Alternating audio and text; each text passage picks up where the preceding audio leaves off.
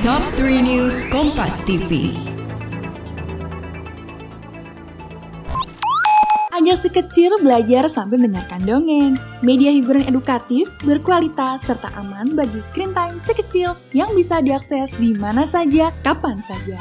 Yuk, dengarkan dongeng kalian orang tua, persembahan KG Media, hanya di Spotify. Halo Sobat Kompas TV, saatnya kita update 3 berita terpopuler yang terjadi pada hari ini, Senin 8 November 2021 bersama saya Lutfan Brilian. Berita pertama, DPR RI hari ini mengesahkan pencalonan Jenderal Andika Perkasa sebagai calon Panglima TNI.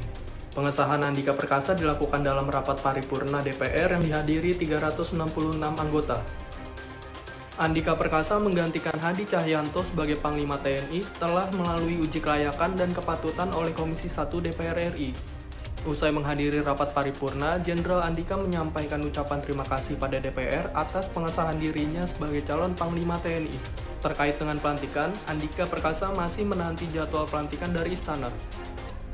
Di berita kedua, Ketua DPR RI Puan Maharani tidak menggubris interupsi seorang anggota DPR saat rapat paripurna pengesahan Jenderal Andika Perkasa sebagai calon Panglima TNI.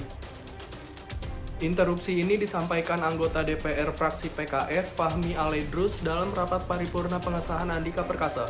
Meski telah meminta kesempatan kepada pimpinan rapat, Ketua DPR tetap menutup rapat paripurna dengan mengetok palu.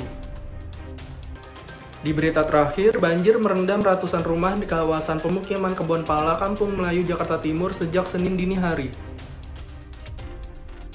Banjir setinggi 2 meter merendam permukiman warga Kebon Pala, Jakarta Timur. Banjir membuat aktivitas warga terganggu.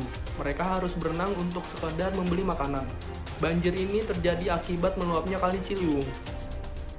Itu tadi tiga berita terpopuler hari ini. Saya Lutfan Brilian pamit undur diri. Dan jangan lupa patuhi protokol kesehatan ya.